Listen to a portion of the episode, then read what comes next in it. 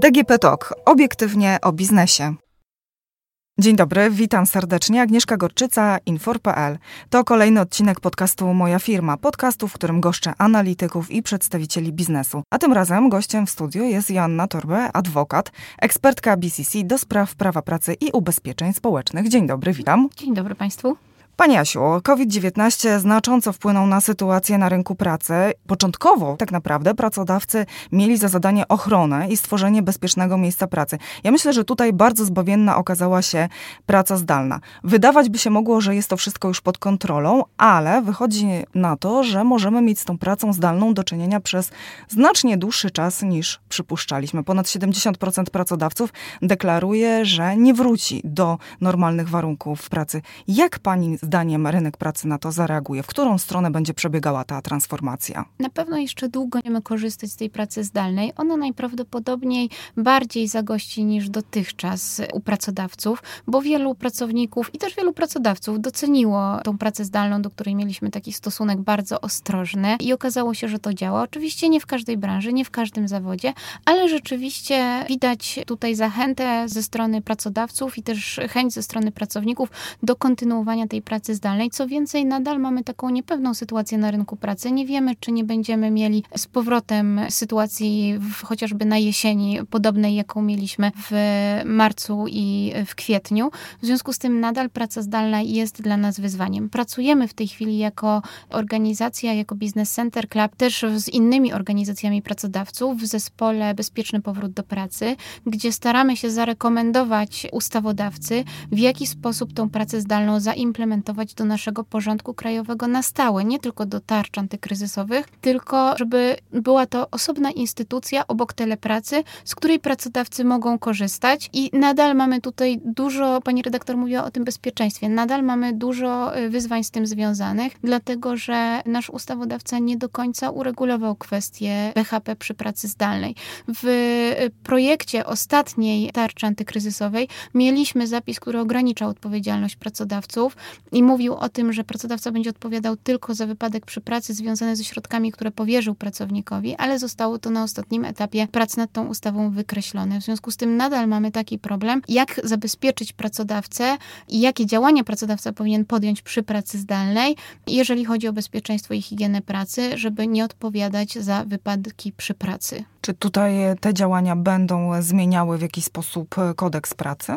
Na pewno implementacja, gdybyśmy chcieli zaimplementować pracę zdalną na stałe, to wymaga to e, wprowadzenia zmian do kodeksu pracy. I nad takimi propozycjami pracujemy i jako organizacja Business Center Club, i w tym właśnie zespole Bezpieczny Powrót do Pracy. Tu też trzeba sobie zdawać sprawę, że dobrze by było część tych rozwiązań, które mieliśmy do tej pory, zaimplementować na stałe, żeby nie robić tego na ostatnią chwilę, jak mamy do czynienia z sytuacją kryzysową, tylko tylko żeby to, co się sprawdziło i to, co można wykorzystywać na bieżąco, nawet jak nie ma sytuacji kryzysowej, to żeby można było z tego korzystać, bo to jest rzeczywiście elastyczność, ułatwienie dla pracodawców i ułatwienie dla pracowników, ale z drugiej strony, żeby może też były takie regulacje, które uruchamiają się w czasie sytuacji kryzysowej, że nie trzeba już wtedy tworzyć tej legislacji tak na ostatnią chwilę. Mhm. Ale tak naprawdę rynek pracy potrzebuje wielu rozwiązań, między innymi w zakresie ubezpieczeń społecznych. Czy Państwo tutaj też planujecie jakieś rekomendacje w tym temacie? Do tych stałych rozwiązań, takich pozafinansowych, o których mówiłyśmy, czyli e, praca zdalna, uelastycznienie czasu pracy itd., tak itd., tak dochodzą kwestie aktualnej sytuacji. I nadal sytuację na rynku pracy mamy niepewną, nadal borykamy się z dużymi problemami w firmach, płynnością również. W związku z tym jest oczekiwanie po stronie pracodawców, żeby czy wydłużyć zwolnienie, z, zwolnienia z ZUS-u, czy prowadzić jakieś ulgi związane z odprowadzaniem należności publiczno-prawnych. Nawet jeżeli nie będzie to wprost dofinansowanie przyznawane pracodawcom czy przedsiębiorcom, to przecież można to również regulować w ten sposób, żeby rzeczywiście jakieś ulgi czy ułatwienia wprowadzić. I ochrona pracowników przede wszystkim, bo kolejne tarcze były wprowadzane, ale pracowników niestety zwalniano. To tak w przypadku było dużych firm, które no nie, nie mogły sobie pozwolić na czekanie. To jest wynikiem tego, że oczywiście nie można umniejszać temu, że te dofinansowania i ta pomoc, którą państwo przyznaje, jest realną pomocą dla małych, średnich przedsiębiorstw, ale w niewielkim stopniu dla dużych przedsiębiorców, ponieważ progi ustanowione w progi spadku obrotów gospodarczych ustanowione w tych przepisach są jednak wysokie dla dużego przedsiębiorcy. 20 czy 15% spadku obrotów to jest spadek na tym poziomie, na który duży przedsiębiorca nie może sobie pozwolić i zanim on nastąpi, to zwalnia pracowników i dokonuje restrukturyzacji zatrudnienia. W związku z tym tutaj, jak gdyby w dużych przedsiębiorstwach widzieliśmy ruchy polegające na zwolnieniach, na uruchomieniu procedury zwolnień grupowych, natomiast rzeczywiście mali, średni przedsiębiorcy o mniejszym wolumenie zatrudnienia mogli skorzystać z tych rozwiązań przewidzianych w kolejnych tarczach antykryzysowych. A dlaczego Pani zdaniem nie zostały ustalone osobne progi dla małych i średnich firm kontra duże? Myślę, że w dużej mierze to jest to, że uczyliśmy się wszyscy, łącznie z ustawodawcą, wszyscy staraliśmy się sprostać tej sytuacji, która zapanowała na rynku pracy, która była absolutnym zaskoczeniem i na którą nikt nie był przygotowany. I że oczywiście mamy nadzieję, że nie będzie następnego razu, ale że w przyszłości będzie już taka świadomość, co można było zrobić lepiej. Być może było to podyktowane ilością środków, która e, była na to przeznaczona i tym, że trzeba było jakoś ograniczyć też ilość tego dofinansowania. Jak wygląda sytuacja, jeżeli chodzi o rynek pracy dla cudzoziemców? Dlatego, że ruch pracowniczy e, znacznie spadł w czasach pandemii. To jest mocno odczuwalne w okresie pracy sezonowej.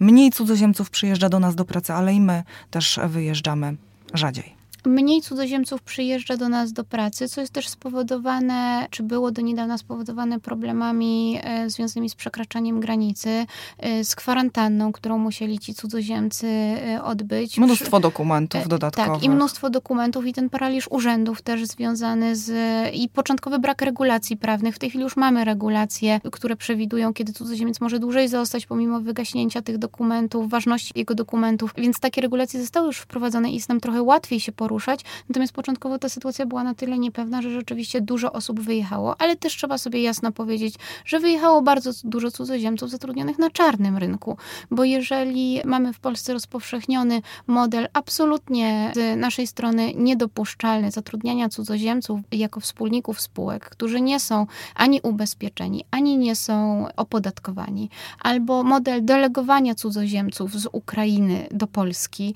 przez ukraińskie spółki, który też też zmierza do tego, żeby w Polsce nie odprowadzać należności publiczno-prawnych, to to byli cudzoziemcy, którzy wyjeżdżali, bo byli pozbawieni jakiegokolwiek zaplecza socjalnego na terenie Polski, w razie chociażby zachorowania, nie byli ubezpieczeni. Więc sporo też takich osób wyjechało i w tej chwili ten napływ jest mniejszy. Zastanawiamy się nad tym i widać taką dyskusję też ze strony pracodawców nad tym, jak kształtować w ogóle politykę migracyjną teraz, czy pomagać cudzoziemcom, czy ich przekwalifikowywać, czy jednak nie przedłużać im pobytu? Jak podejść do tego zagadnienia w tej chwili, bo na to też nie byliśmy przygotowani. Nadal jest zapotrzebowanie duże w tej chwili na cudzoziemców, e, jeżeli chodzi o pracę sezonową i tutaj staramy się jakoś wybrnąć e, z tych regulacji dotyczących kwarantanny.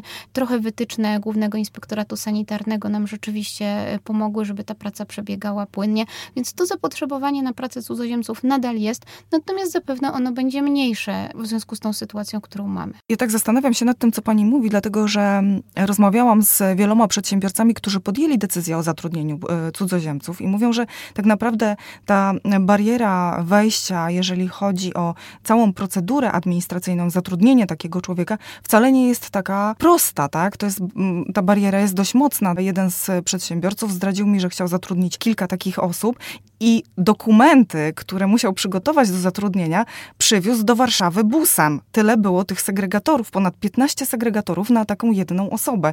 I on mówi, że administracyjnie to jest tak ciężkie do, do przejścia, że musiał jedną osobę całkowicie na etat posadzić fizycznie, która to wszystko będzie ogarniała. Czy to też w jakiś sposób nie zniechęca przedsiębiorców do podejmowania takich kroków? Na pewno ilość regulacji prawnych związanych z zatrudnieniem cudzoziemców jest po pierwsze bardzo duża, po drugie mamy rozproszone te regulacje w różnych aktach prawnych.